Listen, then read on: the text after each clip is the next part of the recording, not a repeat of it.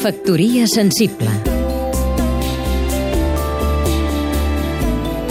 Jordi Llavina, escriptor Ha mort el poeta Juan Luis Panero, que havia nascut el 1942 i que per tant tenia la mateixa edat que el meu pare, però aquí s'acaben les coincidències.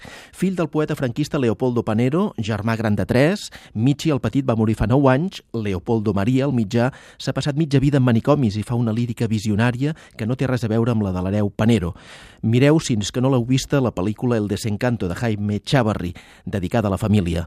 El seu llibre Antes que llegue la noche, de 1985, va ser el primer que vaig llegir d'ell i em va causar una impressió molt fonda.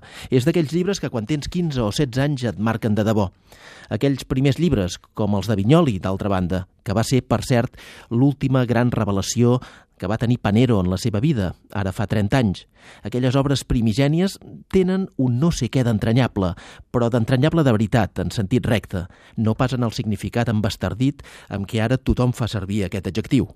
De què tracta la poesia de Panero recollida per l'editorial Tusquets, doncs del que tracten totes les grans obres poètiques o filosòfiques, de la mort, del temps, del sexe, de l'amor, dels diners, de l'amistat, del goig, del dolor, de la tristesa, de l'orgasme, de la soledat, dels viatges, de les ciutats, de l'alcohol i d'altres coses. És una poesia de to narratiu, amb unes imatges molt poderoses que, malgrat que sembla que vulguin esquivar la bellesa, o una determinada idea de la bellesa, no deixen mai de colpir-nos per la cruesa justament de la seva bellesa inherent.